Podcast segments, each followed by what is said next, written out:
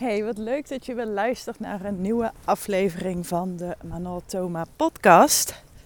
Ik ben uh, weer lekker aan het wandelen. En ik denk dat ik vandaag een, uh, nou, een best wel persoonlijke podcast heb. Maar ook een hele waardevolle. Omdat er een hele waardevolle les in zit. Die, ja, die jij kunt gebruiken of waar je een keer over kunt nadenken. Hoe je dit principe kunt integreren in ja, jouw aanbod en vooral ook hoe je jouw aanbod aanbiedt. He, want daar, eh, daar gebeurt het natuurlijk. Ik heb het al eens eerder laten vallen. Het is goed als mensen begrijpen wat je doet of kunt. Maar het is veel beter als deze mensen zich begrepen voelen. Daar zit echt een heel groot verschil in. Want als ze zich begrepen voelen, dan maak je een, een connectie die, ja, die beyond het, het no, like en trust verhaal gaat, waar je heel veel over leest en wat ook absoluut belangrijk is. Hè? Begrijp me niet verkeerd, een no, like en trust is ja, een, beetje een, een uh, of een beetje, het is een, een uh, vrij bekende marketingterm of begrip. En het staat voor mensen moeten je kennen, moeten je leuk vinden en moeten je vooral kunnen vertrouwen. En dat laatste is natuurlijk best wel een dingetje, vooral online. er zijn uh, heel veel. Ja, uh, er zijn heel veel mensen online. En ja, logisch zit daar ook veel ja, rommel tussen. Hè? Mensen die uh, niet integer zijn of niet oprecht.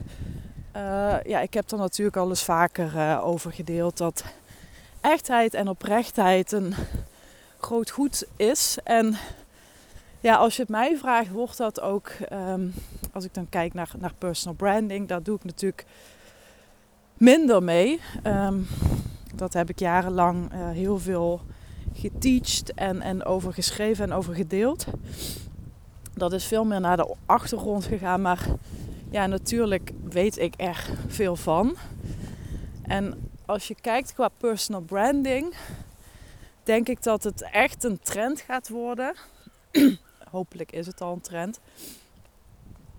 Uh, waarbij het steeds meer zal draaien om gewoon ongefilterd uh, jezelf zijn. Zonder opsmuk, zonder toeters en bellen, zonder al die laagjes van. En natuurlijk is er een plek en een plaats voor mooie foto's. Hè? Dat, dat is nu ook niet wat ik zeg. Maar wat ik zelf gewoon ervaren heb, en uh, dat heb ik in een podcast, een, een aantal podcasts geleden ook gedeeld. Dat toen ik ziek werd en niet meer die professionele foto's van mezelf wilde maken. Want ja, ik, ik voelde me daar in alle eerlijkheid gewoon niet relax onder. Ik ben toen veel meer gewoon gaan schrijven en gaan delen. En uh, ook echte dingen gaan delen. Niet alleen maar steeds met die zakelijke inslag. En juist in die periode ben ik met mijn bedrijf echt heb ik een spurt gemaakt. En ja, ik kan dus gewoon uit ervaring zeggen dat al die prachtige foto's niet per se bijdragen. Het is, het, het is wel het is wel mooi en, en, en het geeft natuurlijk een, een bepaald beeld af. Hè? Dat, dat is absoluut waar. Maar het is dus niet per se nodig.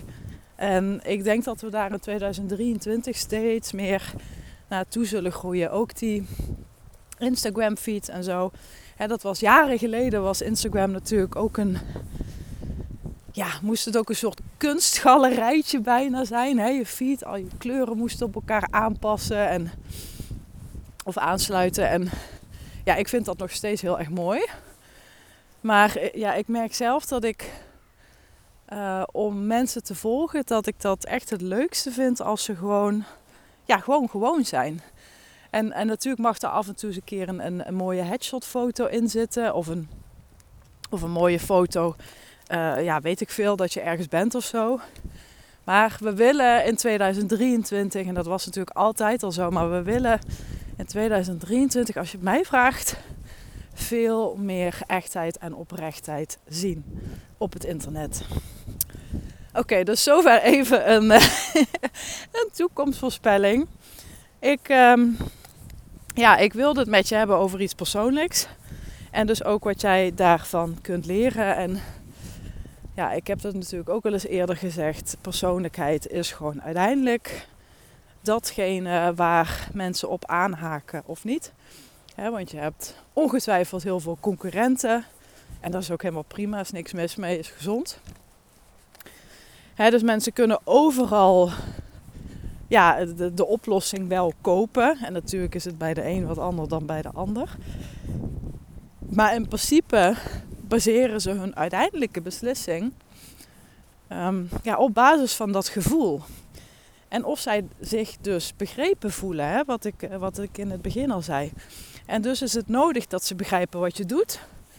Want ja, als, dat, als, ze, als ze jou niet kunnen volgen en niet kunnen pakken welk probleem jij voor hen oplost, of in welk verlangen jij kunt meehelpen, ja, dan, dan, is het al, dan is het al per direct een, een verloren zaak. Hè? Dus dat is, dat is natuurlijk zeker belangrijk. Maar die extra laag, die extra dimensie, dat is dat stukje dat de klant zich begrepen moet voelen. dus dat is, dat is ontzettend belangrijk. En dat creëer je dus ook met persoonlijkheid, met verhalen, uh, met ideeën die jij hebt of die je ziet. je kunt inspiratie delen met mensen. Dus je kunt op tal van manieren um, ja, daaraan bijdragen. En daar hoef je ook niet te lang over na te denken. Sterker nog, ik denk als je er te zeer en te strategisch over gaat nadenken, dat je de plank al een beetje mislaat. Want dan wordt het weer zo'n strategisch uh, kwetsbaarheid verhaaltje. En ja, mensen ruiken dan gewoon dat je het. Ja, hoe zal ik dat zeggen? Dat er strategie achter zit. En dan, dan mist het een beetje zijn, zijn kracht of zo. Ehm, maar goed, ik, uh, ik ga er natuurlijk zelf ook iets over delen. Ik ben natuurlijk redelijk uh, open, alhoewel ik ook echt nog genoeg geheimen heb. Um, ik heb daar natuurlijk wel eens vaker wat over laten vallen dat hè, als je aan je personal brand werkt, en dat klinkt nu heel fancy alsof je een influencer moet zijn, of, maar het gaat erom wat schuif je naar voren, wat wil je dat mensen van jou opmerken en wat niet. En dat betekent dus niet dat je je anders voordoet. Nee, je, je zet wel je beste beentje voor. Net als dat je een sollicitatiegesprek hebt bijvoorbeeld. Dan uh, doe je ook je nette kleding aan en uh, kom je ook niet in je onesie bijvoorbeeld naar binnen lopen. Dus het gaat echt om wat schuif je naar voren. En als je het dan hebt over persoonlijke verhalen, dan, en daar heb ik ook een podcast over trouwens. Ik weet nooit de nummers uit mijn hoofd. maar volgens mij um, heet die dat je iets moet delen vanuit een litteken en nooit vanuit een wond. Ik vind dat zelf altijd een hele mooie metafoor. En um, zo zijn er bij mij ook nog dingen die spelen. Een, een, voorval van vorig jaar, wat voor mij nog steeds een, een, uh, ja, een heel groot iets is. Het was ook een heel groot iets en uh, dat is het nog steeds. En ja, als de tijd rijp is, deel ik er misschien iets over, maar misschien deel ik er ook helemaal niets over, omdat het een, uh, ja, een, een, gewoon een intiem iets is en uh, een privé iets. En, uh, en daarmee bedoel ik maar meer te zeggen van je hoeft niet alles open en bloot op het internet te gooien. En ja, het zal ongetwijfeld heel veel reacties opleveren. Dat weet ik bij mij ook zeker. Maar dat, dat is voor mij totaal niet relevant. Daar ben ik helemaal niet mee bezig. En als je daarmee bezig bent, vanuit iets wat zoveel impact heeft gemaakt, dan. Ja, dan. Ik vraag me dan af hoe authentiek uh, iemand is. Dus als je dat soort kwetsbaarheid gaat delen, uh, ja, doe dat dan wel overwogen. En uh, ja, deel dingen dus vanuit een litteken en niet vanuit een mond. Oké, Wat wilde ik dan met je delen? Wat een lange intro, hè? Maar het is natuurlijk allemaal nodig om het hele verhaal uh, ja, aan te kleden. Ik ben hier nooit heel geheimzinnig over geweest, alhoewel ik er ook nooit echt grote verhalen over heb opgehangen. Maar ik heb jaren geleden, aan het begin van mijn ondernemerschap, heb ik heel erg last gehad van paniekaanvallen. En um, als je, sorry, als je hier wel eens last van hebt gehad of je herkent je hierin, dan hoef ik jou niet uit te leggen hoe het voelt. Maar voor de mensen die denken, ja, een paniekaanval krijg je dan gewoon een beetje zweet op je voorhoofd en, en een beetje stress. Ja, dat uh, maal duizend. Bij mij, waar het zich bij mij heel erg uitte, was bijvoorbeeld in supermarkten of in restaurants of in de stad. Altijd op plekken waar het druk was of waar veel mensen waren. Want dan had ik het idee, als ik nu een paniekaanval krijg, dan, ja, dan ziet iedereen dat. En, en ga, ik, ga ik oud, val ik flauw en moet ik overgeven. Uh, allemaal dat soort dingen. Dus het werd heel erg uitvergroot op plekken waar mensen waren. Want dan zat ik gewoon niet in mijn eigen bubbeltje. En als ik bij Rick was, Rick is hier altijd een enorme steun geweest. Ik, ja, die man is echt een geschenk uit de hemel. Want hij, hij kan zich zo goed inleven in dit soort dingen. Is zo'n steun. Is ja, wat dat betreft echt een, echt een stoere man. Heeft een stoer beroep. Maar ja, is ook wat, wat dit soort dingen echt mijn, ja, mijn steun en toeverlaat. En echt mijn maatje. En als ik bij hem was, dan voelde ik gewoon de veiligheid weer toenemen. Maar dat was dus iets wat die paniekaanvallen triggerde. En ik had ze dus heel vaak in de supermarkt. Ik weet nog dat ik, toen woonde ik in Arnhem en uh, toen ging ik naar de Albert Heijn eh, XL. Nou, dat had ik niet uh, moeten doen. Want ik, de gangpaden leken te kronkelen voor mijn ogen. De vloer leek onder mijn voeten te deinen. geluiden kwamen heel hard binnen. Mijn ogen kon ik niet focussen als het ware. Dus ik zag, ik begon heel wazig te zien. Ik kreeg oorsuizingen. Ik had het idee dat ik ging flauwvallen. Het werkte ook altijd heel erg op mijn buik. dus dat ik misselijk werd en, en gewoon dringend naar het toilet wilde. En dan had je nooit een toilet in de buurt. en dat vergrootte die angst en die paniek alleen nog maar meer. Want die paniek zwakte heel snel af. Zodra ik ergens was van oké, ik kan naar het toilet. Uh, ik kan even me opsluiten. Uh, ik, ik ben in een rustige omgeving. Er zijn geen mensen in mijn buurt. Dus ik wist ook wel, het zit tussen mijn oren. Maar de sensaties en de gevoelens en de ervaringen, die waren wel echt. Dus als mensen dan ook tegen me zeiden van ja, maar er is toch niks aan de hand ja, no shit. Dat zag ik zelf ook wel in. Alleen het, het overkwam me gewoon. En ik wist wel, er zal iets in mijn systeem zijn wat dit aanwakkert. Maar het gaat zo snel en je hebt er gewoon geen controle op. En ik wist ook niet waardoor het kwam. Ja, ik wist op een gegeven moment wel dat mensenmassa's mij. Um, dat dat voor mij een hele grote trigger was als ik bijvoorbeeld wel eens op tv van die concerten zie waar iedereen als sardientjes uh, op elkaar zit en heel veel plezier heeft, dan denk ik alleen maar: oh, wat een hel. Om de dode dood niet dat ik daar ga staan. Tegelijkertijd, ik ben absoluut geen angsthaas. Ik heb jarenlang paard gereden. Ik heb ook met paarden gewerkt. Uh, ook echt jonge hengsten waarvan je denkt, nou, best wel pittig. Ik heb uh, met haaien onder water in een kooi gezeten. Ik rij motor. Dus het is ook niet zo dat ik een doetje ben of zo. Maar die mensenmassa's, dat, uh, nee, dat is hem voor mij absoluut niet. En, uh, nou, een, heel lang verhaal kort. Ik heb daar best wel een tijd last van gehad. Ik was dus heel erg overprikkeld. Had ook heel erg met mijn werk te doen. Ik werkte in die tijd nog um, Nou, ik maakte echt wel weken van 60 uur. ja, ik werkte eigenlijk 24/7. Daar kwam het een beetje op neer. Ik werkte ook in het weekend, alles maar om de business te laten groeien. En daarom ben ik nu ook zo waakzaam voor mijn tijd en hoe ik mijn tijd besteed en hoe ik dus ook mijn energie uh, bewaak.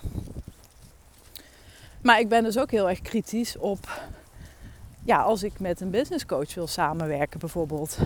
En dan kunnen ze heel succesvol zijn hè, en het mega goed doen. Maar als ik dan bijvoorbeeld uh, zie dat ze ja, gewoon een heel hectisch leven leiden.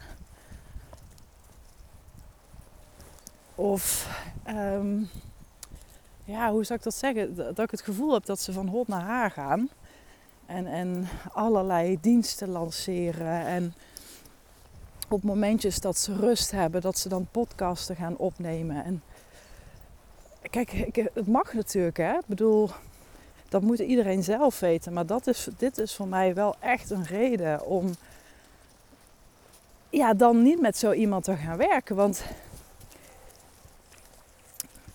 die levensstijl is voor mij gewoon heel belangrijk. En die is belangrijker dan het omzetniveau. Hè, want ja, je omzet heeft natuurlijk invloed op hoe je leeft of hoe je kunt leven, maar niet ten koste van. Ik, ik verdien liever iets minder en dat ik veel en veel meer vrije tijd heb, dan dat ik bepaalde omzetten draai en van lancering naar lancering moet. En van evenement naar evenement. En van VIP-dag naar VIP-dag. En nogmaals, respect hè. Ik bedoel, ik, ik bewonder succes.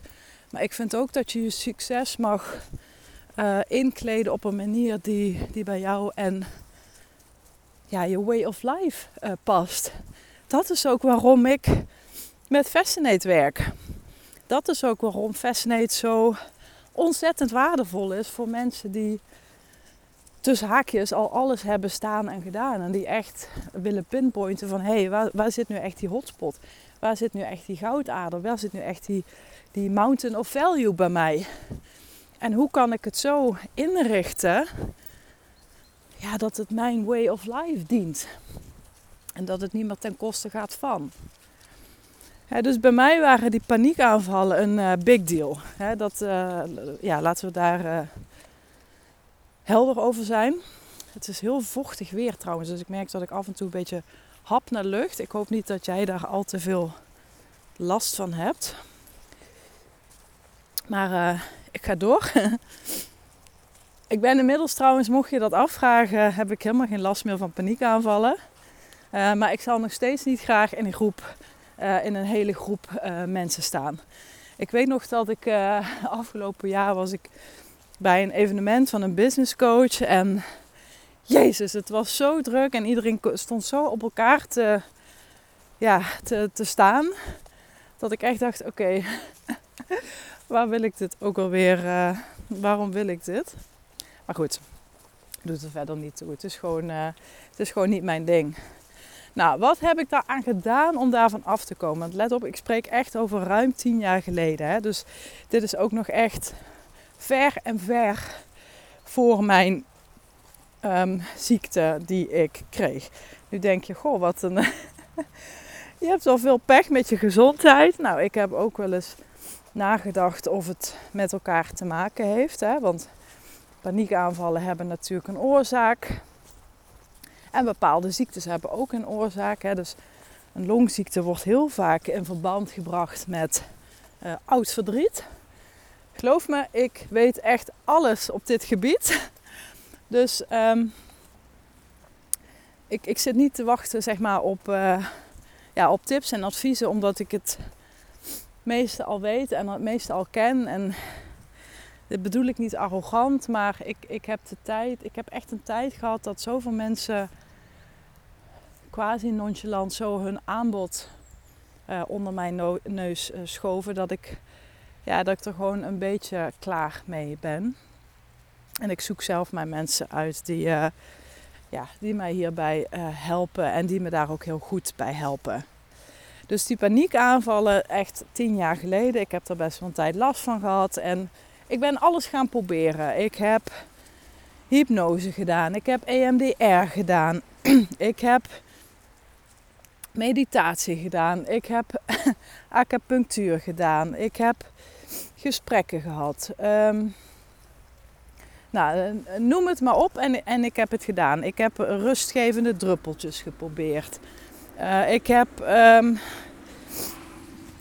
etherische oliën. Um, ik heb visualisaties geprobeerd. Ik heb, ja, ik, ik, ik, heb, ik heb denk ik wel echt alles gedaan. Totdat ik bij een dame kwam. En zij was hypnotherapeut en EMDR-therapeut. En ze hielp mensen met zware trauma's. Die hebben we ook blootgelegd, die trauma's. En, en met trauma bedoel ik. Uh, een trauma is natuurlijk een heel breed woord. Het betekent niet per se dat je uh, in elkaar bent geslagen of, of de oorlog hebt meegemaakt. Een trauma is gewoon iets wat in jouw leven impact heeft gehad. Hoe groot en klein dat ook maar is of lijkt. En dat hebben we blootgelegd. Maar ja, zij kwam er ook achter met EMDR. Ja, daar zit vrij weinig. Hè? Want ik zei ook, ja, natuurlijk heb ik verdriet gekend. Ik ben een mens. Ja, het is niet alleen maar kumbaya natuurlijk. En zij zei toen van, waarom probeer je niet een keer medicijnen? En ik dacht, wat? Zij was best wel ook een spiritueel iemand. Dus ik, ik, ik dacht echt, uh, hè? En uh, toen ging ze verder. Ze zei van, ja, want jij hebt al zoveel gedaan. Hè? Ik, ik had bijvoorbeeld ook, ik ben bij iemand geweest die uh, hè, met HSP en zo bezig was. En ja, met alle respect, het zijn gewoon labeltjes die worden opgeplakt. En ik denk inderdaad dat sommige mensen wat sneller gevoeliger zijn voor bepaalde dingen. Maar er zijn ook mensen die van zichzelf luidruchtiger zijn. Of die van zichzelf meer ingetogen zijn. Ja, ik zie het gewoon als karaktertrekken. Die uitvergroot zijn. En daar plakken we dan met z'n allen graag een labeltje op. Ja, terwijl dat eigenlijk... Ja, terwijl het voor mij eigenlijk niks doet. Dus ik heb ook nooit, toen mij dat werd gezegd, de behoefte gevoeld van... Oké, nu moet ik opeens coaching in die hoek gaan volgen. Uh, ja, dus ik kon ook niks met dat soort labeltjes. Maar ik had wel zoiets van... Ja, het, het komt door mij of het zit in mij. Dus ik moet er ook zelf iets aan weten te doen. En toen zei zij dus probeer, probeer een keer medicatie. En daar was ik best wel op tegen, want ja, ik, ik, ik verdiepte me natuurlijk ook wel in persoonlijke ontwikkeling en, en groei. En ik kende natuurlijk die uitspraak meditatie versus medicatie. En het voelde direct heel erg als fout. Hè? Alsof, nee, medicatie dat mag niet, want ik moet het zelf oplossen. Ik moet mediteren, ik moet naar binnen keren, ik moet, ja, ik moet al. En dit is dus ook de podcast die ik laatst opnam over de, de prestatiedruk op persoonlijke ontwikkeling. Ik had het idee, als ik met medicatie ga beginnen, dan ben ik fout bezig. En toen legde zij verder uit. Ze zegt van ja, weet je, jij bent echt een heel sterk mens. Jij, jij doet alles wat je wordt gezegd. Je bent heel open-minded. Maar ik denk dat er gewoon even iets letterlijk moet worden doorbroken. Uh, hè, want ik, ik denk bijvoorbeeld ook dat exposure, hè, dan moet je bewust gaan opzoeken en nou, allemaal dat soort dingen. En oké, ik ben aan de medicatie gegaan, ik ben naar de huisarts gegaan, nou, dan moet je dat natuurlijk helemaal uitleggen. Krijg je ook nog een gesprek. Nou, dat gesprek was ook van, ik kan inderdaad wel merken dat, uh, ja, dat je alles doet en toepast wat ook maar binnen je macht ligt. Oké, we gaan je medicatie geven. Daar ben ik toen mee begonnen. En Jezus, er ging een wereld voor mij open, kan ik je zeggen. De kleinste dingetjes waar ik zo bang voor was geworden door die paniekaanvallen. Hè? Want het is natuurlijk een cirkeltje. Je, wordt, je krijgt angst voor de angst. Ik ben toen dat exposure gaan doen. Dus de tabletjes moeten even inwerken. Ik weet niet meer hoe lang, twee weken of zo, geen idee. En ik ging Arnhem Centrum in. En ik liep daar met een big smile. Ik voelde weer plezier om naar de winkels te gaan. Om net als ieder normaal mens te slenteren en te genieten van de geuren. En gewoon alles. Nou, en dat gaf mij zo'n boost aan zelfvertrouwen. En ik herinnerde me weer het gevoel. Het gevoel van hoe het is om ja, nergens last van te hebben, om geen angst te kennen.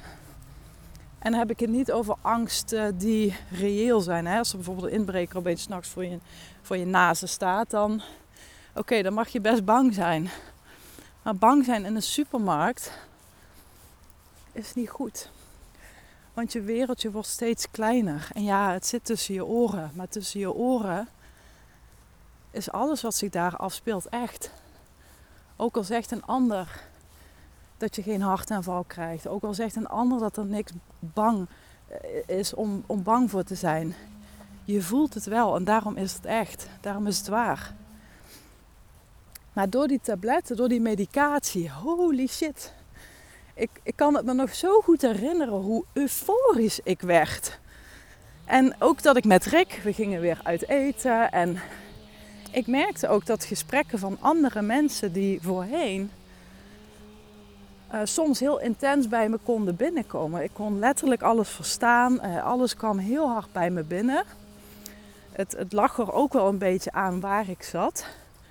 Als ik een beetje in een hoekje zat, was het allemaal wel te doen.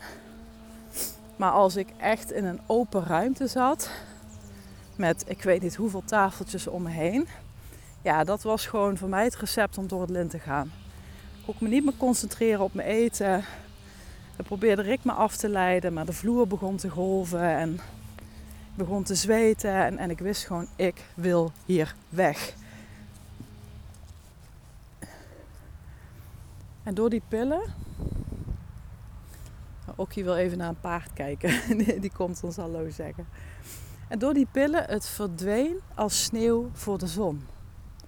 En ik dacht letterlijk, waarom heb ik dit niet eerder geprobeerd? Waarom heb ik dit niet eerder gedaan? En ik zeg hiermee natuurlijk niet dat je medicatie boven meditatie moet zetten, om het even onder die uh, noemer te plaatsen. Dat is niet wat ik zeg. Maar soms kan iets nodig zijn om een bepaald iets te doorbreken. En moet je gewoon even met wat grover geschud komen want de meditatie of letten op mijn ademhaling op dat moment, dat deed ik, dat probeerde ik. Maar het, het zette geen zoden aan de dijk. Het was alsof je een bosbrand met een druppende kraan probeert te doven. Dat gaat gewoon niet meer lukken. En wat dat grove geschut deed, was letterlijk iets doorsnijden, symbolisch dan. Hè? En daardoor ontwikkelde ik heel snel zelfvertrouwen. En daardoor voelde ik ook heel snel weer hoe fijn het was om in een gezellig restaurantje te zitten. Nogmaals, ik zoek nog steeds niet mega druktes op. Maar dat is ja, misschien omdat ik ook een wat gevoeliger brein heb. Maar dat vind ik gewoon niet prettig. En dat is oké. Iedereen heeft zo zijn voorkeuren natuurlijk. Maar door dat grove geschut voelde ik opeens weer hoe, ja, hoe fijn het is. En dat was ik vergeten, dat gevoel. Ik leefde alleen maar in, ja, in, in angst eigenlijk. En wat ik hiermee wil zeggen is dat. En ik heb die quote ooit ook ergens gelezen. Hij klopt natuurlijk niet helemaal in deze. Maar dat is de tekst um, Fast beats free. Oftewel, snelheid wint het van gratis of goedkoop. En begrijp me niet verkeerd, hè? al die therapieën wat ik voor die medicatie heb gevolgd en toegepast, dat, dat was niet gratis natuurlijk. Hè? Dus dat, daarom zeg ik dat dat klopt niet helemaal. Maar wat vandaag de dag steeds belangrijker wordt, is dat mensen op zoek zijn naar een quick win. En voordat je begint te stijgeren, I know, het is niet goed, het is niet gezond. Maar mensen willen liever liposuctie dan dat ze gewoon gezond gaan eten en naar de sportschool gaan. Mensen willen snelle oplossingen. En ik zeg niet dat het goed is, maar het is gewoon de tijdsgeest. Kijk naar de supermarktketens met hun bezorgdiensten. Overal wordt ingespeeld op snelheid. En dit is wat ik aan het begin van deze podcast aan je wilde meegeven. Om daarover na te denken. Hoe kun jij in je aanbod iets toevoegen, iets integreren of juist iets weglaten om die snelheid erin te houden? Om ervoor te zorgen dat mensen denken: holy shit, waarom heb ik dit niet eerder gedaan? Dan had ik al die eerdere investeringen en inspanningen niet hoeven doen. Dan had ik niet zo lang hoeven aan te klooien. Dan had ik niet zo lang hoeven aan te modderen. En het kan naast elkaar bestaan. Want ik pretendeer nu ook niet dat je overal maar een pilletje in moet gooien. Dat is niet wat ik zeg. Want ik ben bezig gebleven met meditatie. Ik ben bezig gebleven met therapieën, met acupunctuur, met healing, met breathwork, met alles. Maar er werd even op een hele grove manier iets in mij omgezet. En daardoor wierpen al die andere therapieën eindelijk in rap tempo hun vruchten af. Wat ik al zei, ik probeerde met een druppende kraan of een druppende tuinslang een bosbrand te doven. En dat lukt je niet. Dat lukt je niet. Dus ik ben daarna daarmee aan de slag gegaan en ben daar ook mee bezig gebleven. Want ik denk dat ja, iedereen op die manier in zijn leven zou moeten staan. Om die rustmomenten in te bouwen, om te mediteren, om je rust te pakken. Om even je gedachten laten te dwalen. Om af en toe die telefoon weg te leggen. Om af en toe even bewust niks te doen. Je te vervelen, te lamballen. En even die stilte op te zoeken. Dus ik ben dat blijven doen. En dat maakte ook dat ik heel snel weer ben gestopt met die medicatie. Ik durf niet eens meer te zeggen hoe lang ik het heb gebruikt. Dat ben ik echt, ja, wat ik al zei, het is, uh, even denken, ja, het was tien jaar geleden zoiets. Dus uh, ja, dat, dat moet je me even schuldig blijven. Dat kan ik even niet zo uh, ophalen. Maar het zal, het zal een paar maanden zijn geweest, denk ik. En sindsdien ben ik, er ook, ben ik er ook nooit meer aan begonnen. Heb ik het ook niet meer nodig gehad. Wat ik al zei, al die voorgaande therapieën en, en, en sessies die ik deed, daar kon ik het mee handelen. Daar kon ik het mee verder ja, oplossen, als het ware. Want er was ook niks meer in mij intern wat dat veroorzaakte. Het, die hele paniekaanvallen, die begonnen een beetje een eigen leven te leiden. Wat ik al zei, ik werd angstig voor de angst. En er was gewoon niks meer qua trauma's, qua jeugd, qua uh, voorgaande generaties, al die dingen. Ik, ik werd er helemaal moe van, want het was er gewoon niet meer. En wat er dan kan gebeuren is dat ja, als je daar heel gevoelig voor bent, hè, dus dat je echt vindt dat je persoonlijke ontwikkelingen moet fixen, dan kun je jezelf daar dus gigantisch in verliezen. En wees dus ook niet te bang om een keer iets rigoureus te doen. En ik schaam me er ook niet voor dat ik dit heb gedaan. Um, ik wil nu ook niet zeggen dat iedereen maar naar de medicatie moet grijpen. Maar het heeft mij enorm veel geholpen. Het heeft alles in een stroomversnelling gebracht. En juist zaken als breathwork en meditatie en gesprekken, die wierpen eindelijk zijn vruchten af. Het kwam heel mooi samen op die manier. En wat ik dus wil meegeven met die snelheid en met dat gemak. Ja, weet dat dit een, een heel belangrijk koopmotief is. Ook voor jouw klanten. En ik weet dat bijvoorbeeld het gros van de business coaches En als je mij al langer volgt, dan weet je dat ik ehm, best wel ook wat namen uit die hoek help. En weet je ook dat ik ja, het altijd een beetje anders doe. en het ook op een andere manier aanvlieg. En waar zij gewoon heel veel op zitten is ja, typische omzetverhaal. Hè, meer verdienen. En vaak ook in, uh, met grotere bedragen. En dat is natuurlijk helemaal prima. Maar er spelen meer koopmotieven in het leven van je klant. En geld is daar echt maar één van. Ik heb ook een podcast, die is echt al van een tijd geleden, waarin ik het heb over ja, wat als niet geld een probleem is, maar tijd. En die nam ik echt vorig jaar of zo al op. En dat is gewoon ook echt iets wat ik zie. Geld is leuk, geld is nodig, geld is belangrijk.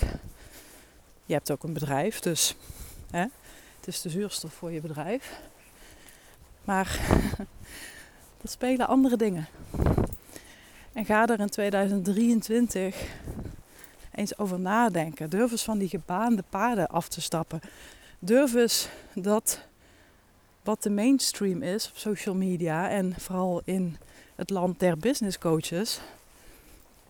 Durf daar eens een keer met een vraagteken naar te kijken. Niet door te zeggen dat het niet goed is.